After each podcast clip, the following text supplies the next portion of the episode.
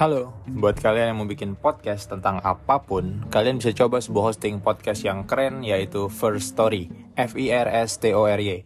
First Story ini bisa kalian gunakan 100% gratis. Di dalamnya kalian tinggal upload rekaman podcast kalian, langsung dipublish bisa atau mau dijadwalkan untuk waktu tertentu juga bisa. Setelah itu, First Story akan mendistribusikan podcast kalian ke Spotify, Apple Podcast, Noise, Google Podcast, dan banyak platform lainnya. Di sini juga tersedia F-Link, semacam link tree yang berisi semua platform podcast dan social media kalian. Selain itu, terdapat First Story Ads untuk memonetisasi podcast kalian dengan cara yang mudah dan sederhana, sehingga kalian bisa mendapat penghasilan juga dari podcast yang kalian buat. Ayo, maksimalkan potensi podcast kalian dengan hosting terbaik untuk podcaster. Daftar di firststory.me, ayo berkarya.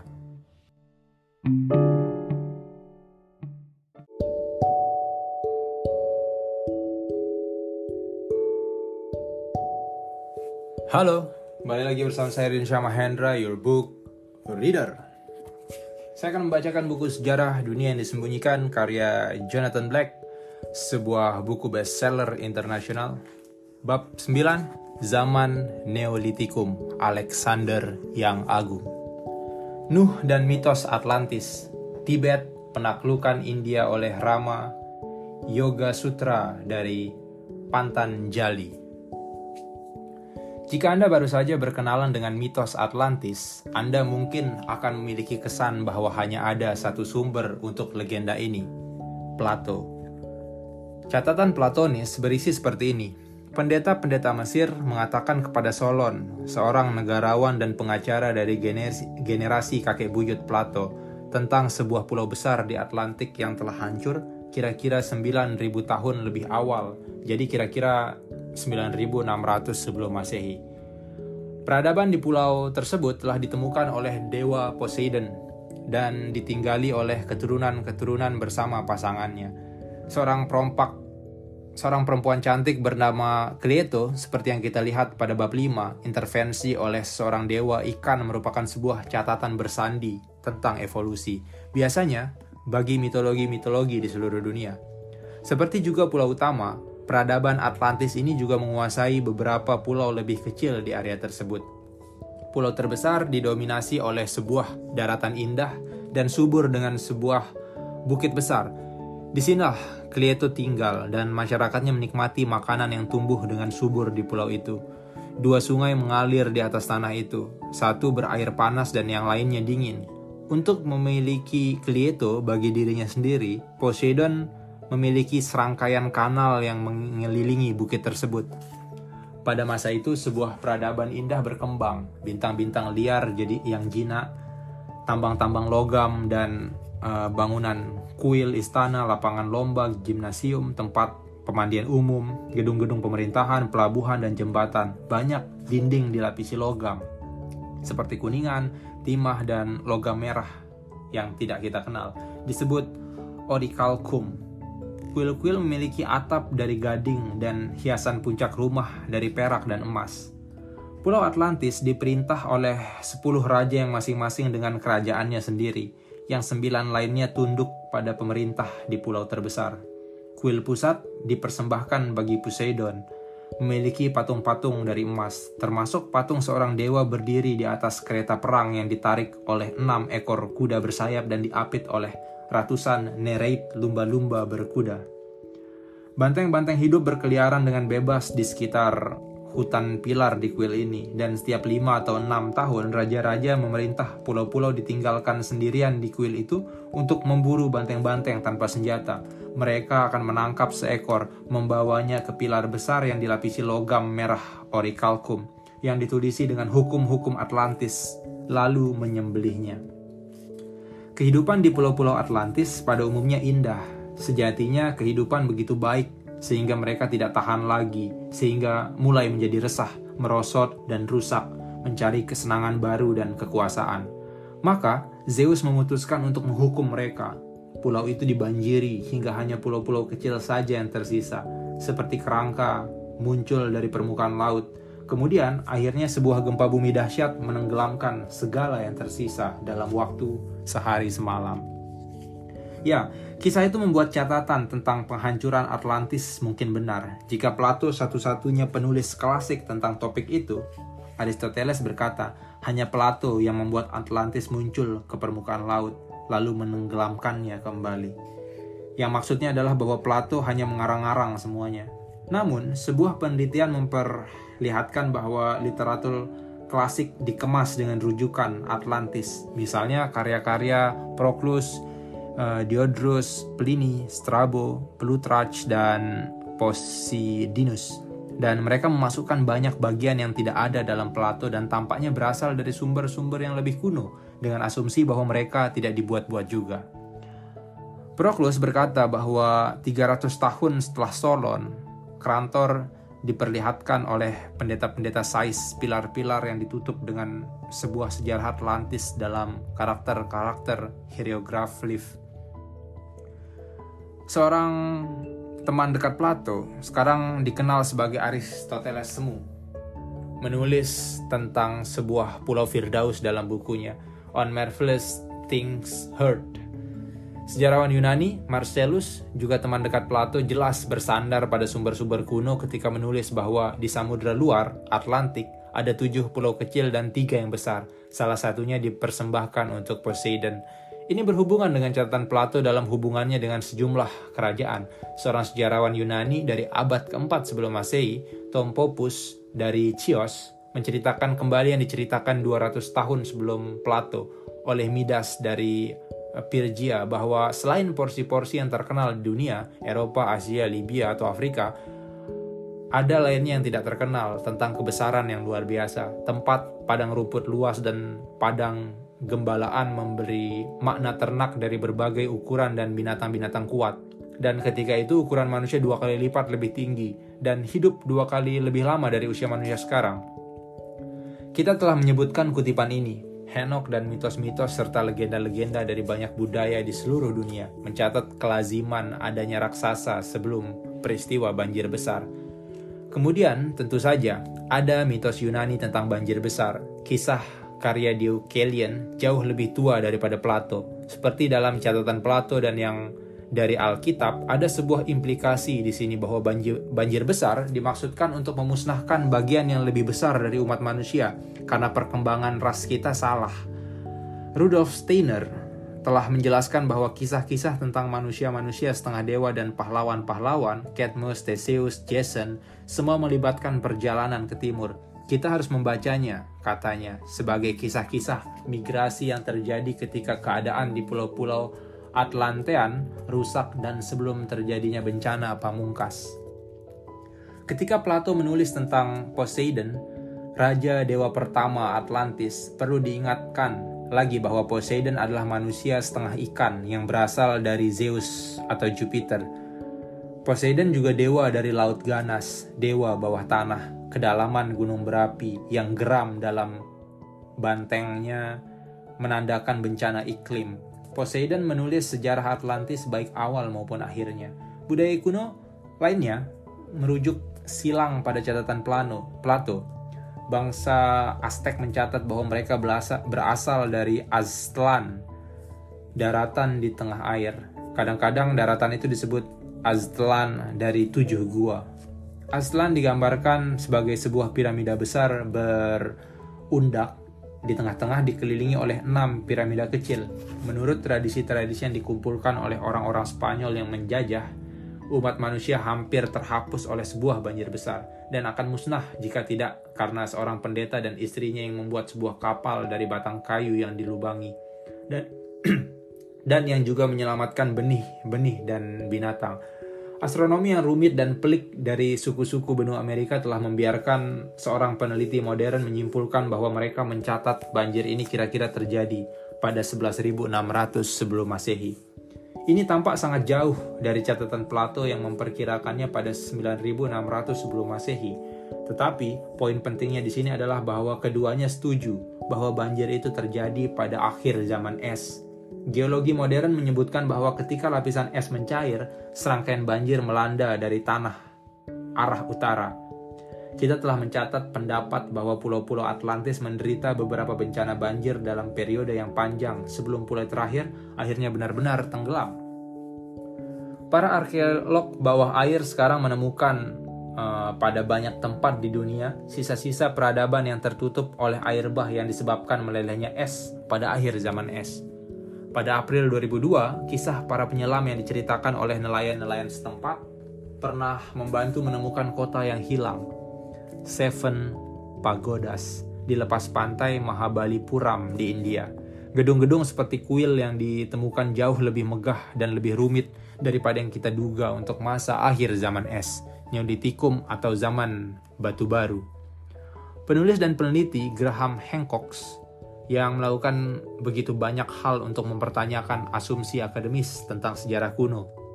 Dikutip ketika mengatakan, Aku telah menentang selama bertahun-tahun bahwa mitos tentang banjir dunia layak ditanggapi dengan sungguh-sungguh, sebuah pandangan yang ditolak oleh kebanyakan akademisi barat.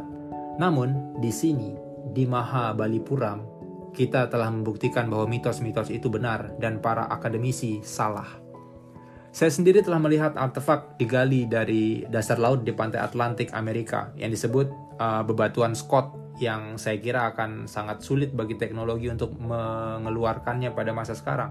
Apalagi 11.000 tahun lalu ketika area itu tertutup laut. Dalam hal rancangan bebatuan Scott memperlihatkan fitur-fitur yang secara mencengangkan sama dengan artefak Mesir. Ini bukan rahasia untuk diungkap, tetapi saya berharap bahwa ketika buku ini diterbitkan, Aaron Duffel, presiden dari Miami Museum Egyptological Society, telah memilih untuk memperlihatkan kepada dunia apa yang dimiliki museumnya.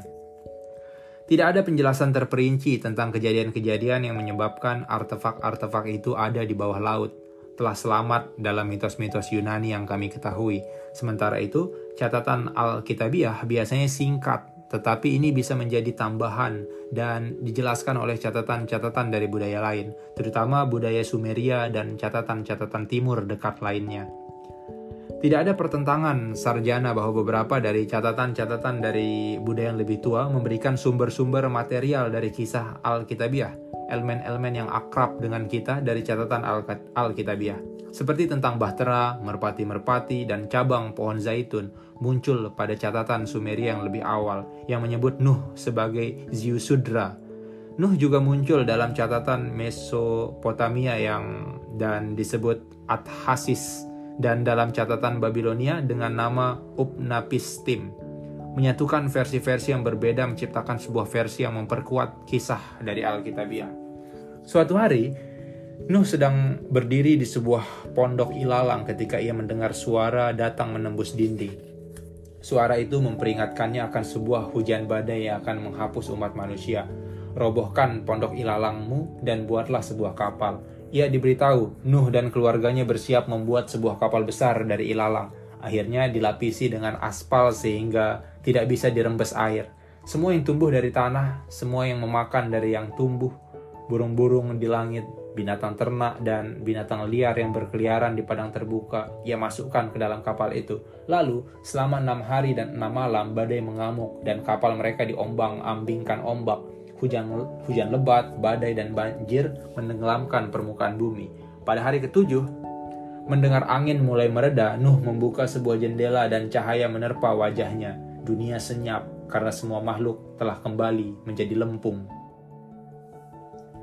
Bencana air bah yang nyaris membinasakan manusia dan semua makhluk hidup itu diperingati setiap tahun oleh yang hidup maupun yang mati pada hari orang mati atau Halloween di Inggris, kira-kira paling lama pada abad ke-19, orang-orang desa akan berdandan seperti orang mati, mengenakan topeng dan mengeluarkan suara gumam dengan bibir terkatup untuk menirukan suara mayat hidup. Karena itu, kata itu adalah mummers.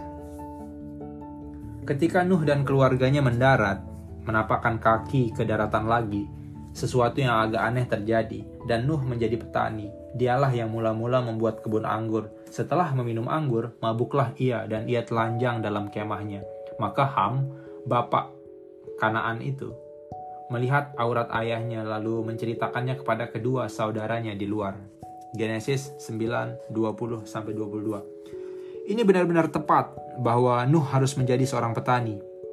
Karena arkeologi mengatakan kepada kita bahwa pertanian mulai pada zaman itu, Neolitikum, Namun, apa yang bisa kita lakukan dengan kisah aneh tentang kemabukan dan kebugilannya? Untuk memahaminya, kita harus kembali ke tradisi yang menyamakan Nuh dengan tokoh legendaris Yunani, Dionysus yang lebih muda. Kita harus mengurai dua helai yang berbeda dari kisah-kisah menyangkut dua sosok dengan nama yang sama. Dionysus adalah nama dari dua pribadi yang berbeda, seorang dewa yang kemudian menjadi manusia setengah dewa. Keduanya memberikan sumbangan yang sangat berbeda pada sejarah manusia pada dua zaman yang berbeda. Dionysus yang seharusnya disamakan dengan Nuh sangat berbeda dengan Dionysus Zagreus yang muncul lebih awal. Dionysus lebih tua. Kisah yang peristiwa pengkhianatannya kita ulas pada bab 6. Setelah peristiwa air bah, Dionysus muda sering digambarkan di atas sebuah kapal berlayar dari Atlantis melalui Eropa ke India dengan tujuan mengajari seni bertani, menaburkan benih, perkebunan anggur, dan menulis ke seluruh dunia. Yang terakhir tentu saja diajarkan oleh Henok, tetapi sekarang terancam hilang karena kehancuran yang diakibatkan oleh air bah. Dionysus dan pengikutnya membawa tombak, sebuah tonggak terbungkus tanaman merambat seperti ular dan ujungnya dipasangi bunga cemara seperti kelenjar pineal. Ini memperlihatkan bahwa Dionysus juga mengajarkan rahasia evolusi bentuk tubuh manusia, perkembangan tulang belakang yang berujung kelenjar pineal yang baru saja kita bicarakan. Manusia kambing dan dewa setengah kambing dan seluruh kekalahan Dionysus mewakili pengelana dari Atlantis. Mereka adalah sisa terakhir dari sebuah proses metamorfosis bentuk Kisah yang aneh dalam Genesis dari anak laki-laki Nuh membuka tutup kemaluannya, sementara ia tidur ketika mabuk juga mengacu pada peredaan proses itu. Kita melihat bahwa kemaluan adalah bagian tubuh astronomi manusia yang terakhir berubah hingga menjadi bentuk sekarang ini, dan anak laki-lakinya ingin tahu tentang asal-usul mereka. Apakah mereka anak laki-laki dari manusia atau manusia setengah dewa, manusia biasa atau malaikat? Kisah-kisah tentang tokoh ini dalam tradisi Yunani dan Ibrani, Dionysus muda dan Nuh, keduanya terkait dengan anggur dan kemabukan. Kita telah berkenalan dengan pengikut Dionysus, perempuan-perempuan gila yang mencabik Orpheus dengan gigi-gigi dan kuku mereka. Dalam keadaan mabuk, perempuan-perempuan gila itu terasuki seorang dewa. Orang-orang primitif selalu hidup selaras dengan bagian tumbuhan dari sifat mereka. Salah satu hasil dari ini adalah bahwa mereka telah mengerti bahwa tumbuhan yang berbeda memiliki apa yang kita lihat dalam tradisi Yunani dan Ibrani dari awal pertanian adalah sebuah penggambaran dari sebuah kesadaran baru yang lebih dalam. Apa simbol duniawi yang lebih besar untuk dampak pikiran manusia yang teratur terhadap alam daripada pada daripada pandang gandum? Kewajiban pemimpin-pemimpin umat manusia sekarang adalah membuat pikiran baru yang mengarah ke kesadaran. Dalam Zen Avesta, literatur suci Zoroastrianisme, sosok Nuh atau Dionysus disebut Yima.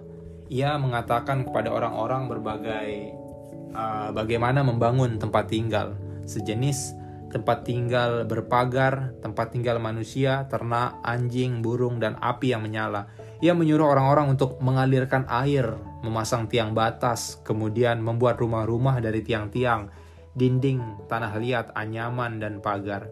Begitu mereka tiba di suatu tempat, ia mendorong rakyatnya untuk memperluas tanahnya dengan cara menggarapnya. Tidak boleh ada tekanan ataupun kehinaan, kebodohan ataupun kekerasan, tidak ada kemiskinan ataupun kekalahan, tidak ada orang cacat. Kebuasan raksasa, sosok yang memiliki sifat-sifat roh jahat. Lagi, kita melihat sebuah kecemasan tentang sebuah pemulihan kebentuk tidak normal dari zaman sebelumnya, seperti raksasa. Seorang penyair epos Yunani Nonus menggambarkan migrasi Dionysius ke India dan perjalanan yang sama juga digambarkan dalam Zen Avesta sebagai barisan Ram ke India. Namun, penjelasan yang paling lengkap berasal dari epos India, Ramayana. Apa yang jelas dari catatan ini adalah bahwa migrasi besar ke timur tidak bergerak eh, ke daerah tidak berpenghuni, sementara orang-orang Atlantis menghabisi orang-orang itu melakukan perjalanan ke tanah baru yang masih ditinggali oleh suku-suku aborigin. Kita melihat reaksi Dionysus terhadap apa yang ditemukannya di Tanah Baru dalam larangannya untuk melakukan kanibalisme dan pengorbanan manusia. Para pendeta asli kadang-kadang memelihara ular-ular besar atau pterodaktil. Sejenis binatang langka yang masih ada dari zaman antediluvian yang disembah seperti dewa-dewa dan diberi makan dengan daging tawanan. Ramayana menjelaskan bagaimana Rama dan rakyatnya tiba-tiba menguasai kuil-kuil ini dengan obor-obor, mengusir para pendeta dan monster-monsternya. Ia akan muncul tiba-tiba di antara musuh-musuhnya, kadang-kadang dengan busur panahnya, kadang-kadang tidak dengan kekerasan, kecuali ia mampu membuat musuh-musuhnya membantu dengan tatapan teratai birunya. Rama terusir menjadi seseorang yang tidak memiliki rumah, kerajaannya terendam laut, ia tidak hidup seperti raja, tetapi berkemah di alam liar bersama istri tercinta, Sinta. Kemudian Sinta diculik oleh penyihir jahat, Rahwana. Ramayana menceritakan penjelasan perjalanan Rama dengan penaklukan India dan pengambil alihan Sri Lanka, tempat perlindungan terakhir Rahwana. Rama membuat sebuah jembatan melintasi laut di antara daratan India dan Sri Lanka dengan bantuan tentara kera yang disebut manusia purba nenek moyang dari roh manusia yang telah bergegas untuk inkarnasi terlalu awal dan kemudian dikutuk mati. Akhirnya setelah pertempuran yang berlangsung selama 13 hari, Rama membunuh Rahwana dengan menghujaninya dengan api. Kita mungkin saja melihat Rama sebagai. Kita mungkin saja melihat Rama sebagai Alexander yang agung, zaman Neolitikum. Setelah penaklukan India, ia menguasai dunia. Ia juga memiliki mimpi, ia sedang berjalan-jalan di hutan yang diterangi cahaya bulan ketika seorang perempuan cantik berjalan mendekatinya. Kulit perempuan itu seputih salju dan ia mengenakan mahkota yang sangat indah. Awalnya Rama tidak mengenalinya, lalu perempuan itu berkata, Aku Sinta, ambillah mahkota ini dan kuasai dunia untukku. Perempuan itu berlutut dengan rendah hati dan memberikan mahkota berkilauan itu, gelar raja yang telah dirampas darinya. Namun, ketika itu juga malaikat penjaganya berbisik kepadanya, "Jika kau mengenakan mahkota itu pada kepalamu, kau tidak akan bisa melihatku lagi. Dan jika kau menangkap perempuan itu, ia akan menjadi sangat bahagia, sehingga kebahagiaan itu langsung membunuhnya.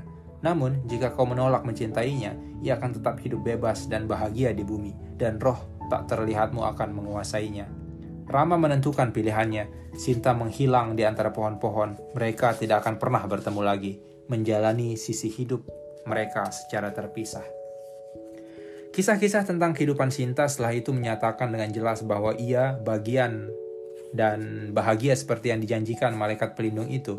Dalam ambiguitas dan ketidakpastiannya ada sesuatu yang sangat modern tentang kisah ini. Kita juga bisa melihat pertentangan yang berada dalam hati manusia. Semua cinta jika ia sejati melibatkan pemberi, pembiaran pergi. Semua cinta jika ia sejati melibatkan pembiaran pergi. Dengan kecakapannya, menggunakan busur dan anak panah, wajah tampannya, mata biru dan dada singanya, Rama sangat mirip dengan pahlawan-pahlawan mitos Yunani seperti Hercules. Tetapi dalam kisah Rama, seperti telah saya katakan, menyimpan sesuatu yang baru. Hercules diminta untuk memilih antara kebaikan dan kebahagiaan, dan mengejutkan, ia memilih yang pertama, kebaikan. Kisah Rama sebaliknya, berisi bagian dari kejutan moral. Pembaca kisah itu mungkin akan sepakat dengan Sinta ketika ia berdebat dengan Rama bahwa benar adanya Rama sekarang menerima mahkota yang telah dicuri darinya sejak kelahirannya. Namun, kemudian pilihan Rama yang mengejutkan memutuskan untuk tidak mengambil mahkota itu yang sesungguhnya adalah haknya, tidak menikahi perempuan yang dicintainya. Ia melebarkan hayalan moral dan menghidupkan kecerdasan moral.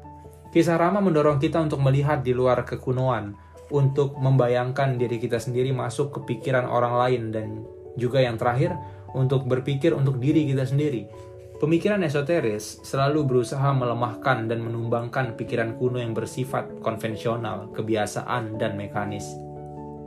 Kelak, kita akan melihat bagaimana pencerita, pemain drama, dan novelis mendalami pemikiran esoteris dari Shakespeare dan Cervantes hingga George Eliot dan Tolstoy yang menghidupkan hayalan-hayalan moral yang membedakan karakteristik-karakteristik dalam literatur literatur terbesar. Jika literatur dan kesenian hebat memberikan kesan pola-pola tentang penggunaan hukum di luar pemikiran kuno, kesenian esoteris membawa hukum-hukum ini lebih dekat ke permukaan dari kesadaran. Kisah Rama juga membawa kita kembali ke gagasan bahwa menurut sejarah rahasia, kosmos telah dibentuk untuk menciptakan keadaan sehingga orang-orang bisa mengalami kemerdekaan berpikir dan berkemauan. Rama bisa memaksakan apa yang baik dan benar bagi rakyatnya, memerintah mereka dengan tangan besi, tetapi ia membiarkan mereka memutuskan untuk diri mereka sendiri. Jadi, Rama adalah contoh terselubung dari orang-orang terasing atau raja rahasia atau filsuf rahasia yang berbaur secara tersembunyi di antara rakyatnya. Rama berusaha membantu manusia untuk berkembang dengan bebas. Rama adalah setengah dewa, tetapi turun menjadi penguasa bumi dewa-dewa atau bahkan setengah dewa tidak lagi akan duduk di atas singgasana dalam jasad dari daging dan tulang. Pada akhir perjalanan, para emigran menemukan Sambala, sebuah benteng spiritual di pegunungan daerah Tibet. Atap dunia, dataran tertinggi di Tibet yang dikelilingi pegunungan tinggi. Beberapa tradisi mengatakan bahwa masyarakat Tibet adalah keturunan langsung dari orang-orang Atlantis. Beberapa orang mengatakan juga bahwa Sambala hanya bisa dicapai melalui terowongan bawah tanah. Yang lainnya mengatakan bahwa terowongan itu ada pada dimensi lain masuk ke portal rahasia yang terbuka di suatu tempat di area itu. Saint Augustine adalah teolog besar Kristen setelah Saint Paul dan seperti halnya Saint Paul, ia merupakan anggota dari sebuah sekolah misteri. Ia menulis tentang tempat itu, tempat Henok dan yang lainnya tinggal, merupakan sebuah surga dunia begitu tinggi sehingga air bah tidak bisa mencapainya. Emmanuel Swedenborg, seorang teolog, diplomat dan pencipta dari Swedia pada abad ke-18 dan juga pemimpin esoteris Freemason pada masa itu, menulis, Dunia yang hilang harus dicari di antara saga-saga Tibet dan Tartari. Annie Catherine Emmerich, seorang mistis Katolik dari Jerman abad ke-19 menulis hal yang sama tentang gunung nabi-nabi, tempat tinggal Henok, Elijah, dan yang lainnya yang tidak mati dengan cara biasa tetapi naik dan tempat unicorn-unicorn yang selamat dari air bah mungkin masih bisa ditemukan. Dari keluasan dari keluasan Gunung Tibet itu mengalir sungai-sungai dari spiritualitas kehidupan yang bertemu menghimpun kekuatan dalam dan lebar dan menjadi sebuah sungai kuat seperti Gangga yang memberi makan seluruh India. Dalam sejarah dunia, tertulis pada bintang-bintang, zaman berikutnya dimulai ketika matahari mulai terbit uh, di bintang Cancer pada 7227 sebelum Masehi, ketika kebudayaan besar India, spiritual yang paling awal dan paling dalam pasca kebudayaan air bah ditemukan. Para penemunya merasa kecil karena dunia yang baru diciptakan. Yang dilihat mereka adalah maya, sebuah hayalan yang mengancam untuk menjelaskan kenyataan yang lebih tinggi dari dunia spiritual. Mereka memandang ke belakang dengan bernostalgia ke zaman sebelum tabir materi antara manusia dan hierarki spiritual disingkap. Mandi air es dan bentuk-bentuk penyiksaan diri dari para petapa bisa dilihat sebagai bagian dari usaha mereka untuk tetap sadar akan alam rohani sebuah usaha sadar dilakukan oleh mereka, sementara tabir masih secara relatif tembus pandang untuk mengingat kelurusan dari alam rohani dan untuk mengesankan mereka secara tak terhapuskan akan kesadaran manusia.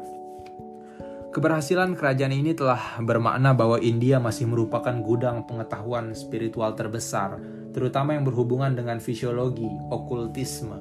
Seperti yang dikatakan seorang anggota tinggi kepada saya, jika Anda berkunjung ke India hari ini, Anda pasti akan merasakan betapa udara hanya meretih dengan astralitas. Para guru besar barat seperti Pythagoras, Apollonius dari Tina dan Saint Germain telah berkelana ke India untuk mencari astralitas ini. Ajaran itu berisi beberapa kutipan dari sumber-sumber India kuno dan lebih banyak gagasan yang asli dari sana. Sir John Woodroffe sarjana Sanskerta yang pertama menerjemahkan naskah-naskah tantrik pada abad ke-19 telah menulis betapa tradisi sufi yang terhormat bersandar pada kearifan Hindu untuk ajaran-ajaran tentang cakra misalnya. Pada 1960-an, agama India dirasakan oleh banyak orang di barat untuk menawarkan pengetahuan spiritual termasuk mempraktikkan disiplin spiritual dan petunjuk melalui dunia alam rohani yang tidak bisa mereka temukan di gereja. Sebuah toko buku di barat tampaknya masih menyimpan buku-buku mistisme yang berasal dari timur lebih banyak daripada yang berasal dari tradisi barat. Mengikuti penolakan Rama untuk mengambil mahkota, tidak ada pribadi yang besar mendominasi zaman itu. Jika Rama adalah pahlawan yang melakukan semuanya yang berkelahi melawan monster, melakukan petualangan berbahaya, dan mendirikan kota-kota, penerus-penerusnya kadang-kadang disebut tujuh orang bijak atau risis. Memiliki sifat diam dan tidak aktif, mereka tidak membangun gedung dari batu, mereka tinggal di bangunan-bangunan dari lumpur atau tempat berteduh sederhana terbuat dari akar dan tanaman bersulur. Tidak satupun dari risis itu yang bertahan kecuali apa yang mereka ketahui. Ada pepatah kabali sederhana, segala yang telah kau lihat, setiap bunga, setiap burung, setiap batu akan mati dan kembali menjadi debu. Tetapi bahwa kau telah melihatnya, itu tidak mati. Ini adalah pepatah yang tampak simpatik bagi Risis, duduk bersila sehingga tumit mereka menghadap ke atas. Mereka tidak memiliki keinginan merasakan daya tarik bumi ke bawah, tarikan reduktif dari alam materi. Sebaliknya mereka mengarah ke dunia alam rohani. Mereka mampu melihat makhluk-makhluk spiritual yang sedang bekerja di bumi. Bagaimana mereka membantu menaburkan benih pada musim semi, bunga untuk mekar pada musim panas, pohon-pohon berbuah pada musim gugur, dan bagaimana benih-benih dijaga selama musim salju oleh makhluk-makhluk spiritual yang sama. Risis mengalami pasang surut dari pengaruh spiritual seperti napas seorang raksasa, budaya India kuno seperti alam surga terendah di bumi. Sebelum ini kita membicarakan tentang cara materialis menyalahgunakan kata-kata dan frasa seperti arti kehidupan, menggunakan mereka dalam sebuah makna kedua dan sedikit tidak jujur, Hal yang sama adalah kesejatian dari spiritual. Sering digunakan oleh orang-orang untuk menyombongkan diri sebagai orang baik hati atau bermoral tinggi, kabur, cara mistis palsu. Makna sejatinya adalah kemampuan melihat, mendengar, dan berkomunikasi dengan roh seperti pakar-pakar India. Mereka mampu berkomunikasi dengan cara okultisme. Mereka bisa merasakan apakah orang lain itu baik hati atau tidak dari nafas mereka. Dengan menghirup nafas orang lain, mereka bisa mengetahui kehidupan dalam mereka. Para pakar itu mampu menumpahkan pengetahuan ke dalam jiwa orang lain dalam sebuah aliran gambar yang tanpa jeda. Lama kemudian, pengetahuan ini akan dijadikan lisan dan ditularkan dari generasi ke generasi, hingga akhirnya ditulis sebagai Vedas. Tatapan mereka bisa mengusir ular dan menjinakkan singa serta harimau. Tidak ada yang bisa mengalihkan pakar-pakar itu dari perenungan. Mereka berkeliaran dengan bebas, membuat tempat berteduh dengan sangat minim, makan buah dan minuman susu dari ternak mereka. Mereka hanya makan nabati, tidak pernah daging. Memakan hewan, mereka percaya artinya menyerap penderitaan hewan mati itu. Mereka merasuk sendiri ke dalam kesadaran nabati. Dalam proses fisik, bangun, tidur, bernafas, mencerna, yang kita telah lihat adalah pemberian dari kerajaan nabati kepada tubuh manusia dengan belajar untuk mengendalikan ens vegetalis atau eteris tubuh. Mereka yang juga bisa mengendalikan nafas, tingkat pencernaan, bahkan detak jantung dan aliran darah, memimpin ke prestasi mengagumkan yang membuat pakar-pakar India itu terkenal. Kemampuan untuk menghentikan jantung sama sekali hanya dengan memikirkannya, misalnya. Pakar itu mengerti juga bagaimana tenggelam dalam renungan dari cakra plexus solar memungkinkan mereka untuk memiliki kemampuan paranormal. Mereka juga tahu cara merengkuh orang lain dalam perlindungan cahaya cinta yang memancar dari cakra hati. Sebagai tambahan, untuk 16 cakra hati, pakar-pakar melihat 101 arteri yang lentur dan bercahaya keluar dari area yang sama seperti jari-jari sebuah roda. Tiga dari arteri besar ini mereka lihat naik ke kepala, satu naik ke mata kanan dan berhubungan dengan matahari dan masa depan, yang lainnya naik ke mata kiri dan berhubungan dengan bulan dan masa lalu.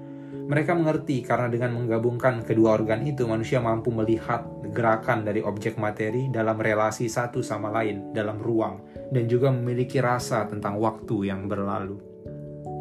Bagian tengah dari tiga arteri itu berasal dari jantung dan melewati puncak kepala. Dengan rute ini, jalan ke atas mungkin disinari dari bawah. yaitu hati yang bercahaya. Dan karena rute dari arteri tengah ini juga, roh akan pergi melalui ubun-ubun dan meninggalkan tubuh ketika kematian terjadi. Bagi orang-orang kuno, semua kehidupan mengingatkan sebuah denyut, irama, atau nafas. Mereka melihat semua orang hidup ketika bernafas untuk sementara ke dalam dunia maya atau ilusi, kemudian bernafas lagi, sebuah proses yang berulang sepanjang hidup. Mereka melihat sekumpulan atau kawanan roh diembuskan ke dalam dan keluar dari kehidupan materi bersama. Peradaban India ini dalam beberapa hal merupakan gaung dari dunia nabati yang berair dan disinari matahari dari zaman sebelum matahari dan bumi terpisah. Dalam beberapa hal itu juga suatu zaman makan, teratai yang akan harus berakhir jika progres terjadi. Kita melihat betapa hebat makhluk-makhluk dari hierarki yang lebih tinggi tidak bisa muncul dalam tubuh fisik, seperti pada zaman Atlantis dulu. Mereka masih akan muncul sebagai setengah hantu atau siluman, tetapi terjadi semakin langka. Pada akhir zaman itu, manusia mungkin hanya melihat mereka dengan mata fisik sekali atau dua kali dalam hidup mereka. Ketika dewa-dewa mengundurkan diri, orang-orang harus mencari tahu cara untuk mengikuti mereka. Dengan cara inilah lahirlah yoga. Pada ketinggian meditasi mereka, sebuah dorongan kekuatan dari dasar tulang belakang akan menjalar ke atas menembus arteri tengah melalui jantung ke kepala. Kadang-kadang kekuatan ini dianggap sebagai makhluk seperti seekor ular yang naik menembus tulang belakang masuk ke tengkorak dan menggigit pada satu titik tepat di belakang jembatan hidung. Gigitan ini melepaskan sebuah keindahan seperti renda aliran dari arus mengkilap. Tujuh ratus ribu cahaya menyala, berdengung seperti jutaan lebah. Para pakar akan merasa berada dalam dimensi berbeda yang muncul pertama untuk meliputi sebuah samudra dari gelombang raksasa cahaya dan tenaga yang sangat kuat, awal pengalaman mistis dalam segala tradisi. Ketika mereka mulai terbiasa pada alam rohani, kekuatan-kekuatan impersonal akan mulai untuk menetapkan diri mereka sendiri menjadi pakaian luar dewa-dewa. Dan akhirnya wajah dewa-dewa itu sendiri akan muncul dari cahaya itu. Wajah yang sama dari dewa-dewa bintang-bintang dan planet-planet yang telah menjadi akrab bagi kita setelah beberapa bab terakhir. Salah satu buku tersingkat di dunia, tetapi yang paling kuat, disebut Yoga Sutra of Pantanjali. Ia disebut dan ditulis dalam bentuk final pada kira-kira 400 sebelum Masehi, tetapi berasal dari ajaran-ajaran Risis.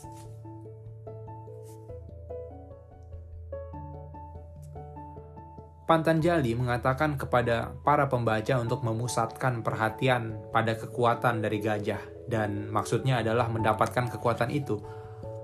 Hal ini menjadi pemikiran hayalan jika berpikir bahwa Anda atau saya mungkin bisa melakukan ajaran itu begitu saja. Ini ajaran tinggi, sehingga sekarang hanya anggota yang paling mahir dan tertinggi yang mampu mencapainya. Yang lainnya hanya akan mampu mencapainya pada inkarnasi berikutnya. Risis mengajarkan bahwa evolusi seluruh kosmos adalah tujuan kehidupan, dan benih dari semua transformasi itu terletak pada tubuh manusia. Pada 5000 67 sebelum Masehi, para dewa meninggalkan kosmos menuju tahap berikutnya dari evolusi manusia ketika matahari memasuki lambang Gemini.